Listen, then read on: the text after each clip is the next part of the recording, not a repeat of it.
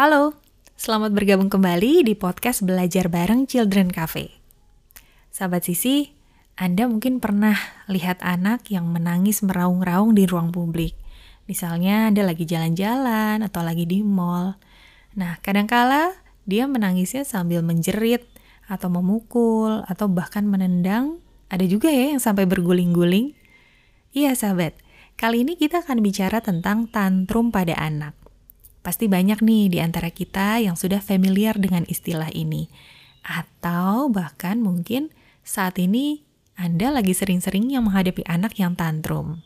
Yuk, kita kenali tantrum lebih dekat dan beberapa cara untuk meresponnya.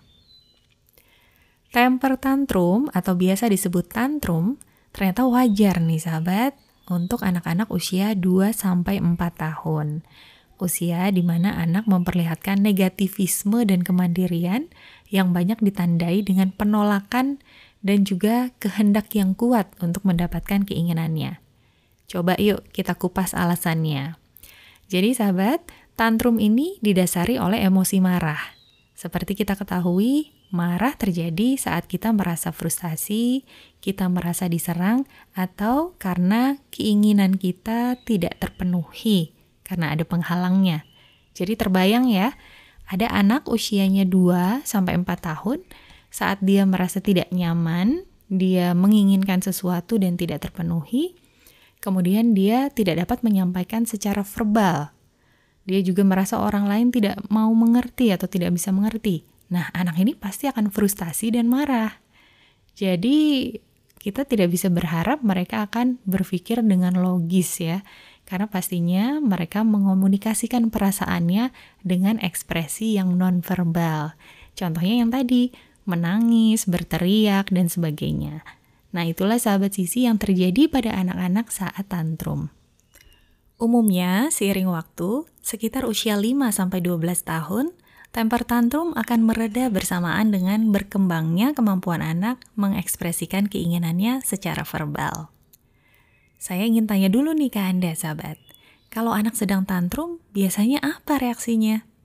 Satu, menyuruh anak diam dengan tindakan pendisiplinan. Misalnya dibentak, dijewer, dicubit, dipukul, dan sebagainya. Atau yang kedua, memberikan keinginan anak supaya ia diam. Yang ketiga, mendiamkan anak sampai berhenti sendiri. Atau cara keempat nih sahabat, menenangkan anaknya dengan cara dipeluk atau dibujuk dengan lembut. Nah, yang mana nih cara Anda? Cara-cara di atas punya kelebihan dan kekurangan masing-masing. Biasanya memang orang tua akan memilih yang paling efektif meredakan tantrum anak.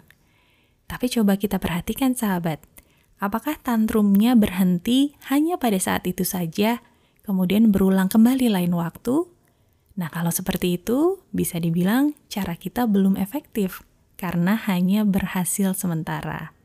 Maka kita bisa mencoba cara lain atau mengombinasikan beberapa cara dan melihat efeknya pada anak. Namun demikian, ada yang perlu kita ingat, sahabat sisi, yaitu beberapa hal berikut ini. Yang pertama, kenali karakteristik anak kita. Apakah ia tipe yang tidak mau dipeluk atau didekati saat tantrum? Atau misalnya dia tipe yang bisa merusak atau menyakiti diri sendiri saat tantrum? Nah, ini kita harus kenal sekali ya bagaimana karakteristik dan sifat anak kita sebelum memutuskan akan pakai cara yang mana. Kedua, pada saat anak tantrum artinya ia sedang marah kan sahabat. Pada saat ini seharusnya kita tidak ikut emosi dan terbawa perasaan, karena justru peran kita lah untuk meredakan tantrum anak dan mengendalikan diri. Momen tantrum bisa menjadi cara anak dan orang tua belajar untuk mengelola emosinya. Lalu yang ketiga, kondisi pada saat itu seperti apa dan penyebab anak tantrum itu apa, kita harus tahu lebih dahulu. Jika anak marah karena hal yang wajar, maka kurang adil rasanya kalau kita merespon kemarahannya dengan hukuman fisik misalnya.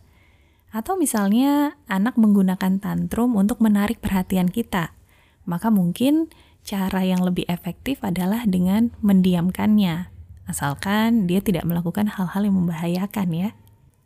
Nah, sahabat sisi, topik tentang tantrum ini juga sudah pernah kami bahas di talk show Children Cafe. Kalau Anda mengklik YouTube channel Children Cafe yang judulnya Sudah Efektifkah Cara Kita Mengatasi Tantrum Anak? Ada banyak ilmu tambahan dan contoh-contoh konkret yang membuat kita lebih memahami tantrum pada anak. Jadi jangan lupa nonton videonya ya sahabat. Sampai di sini dulu podcast episode kali ini. Sampai jumpa.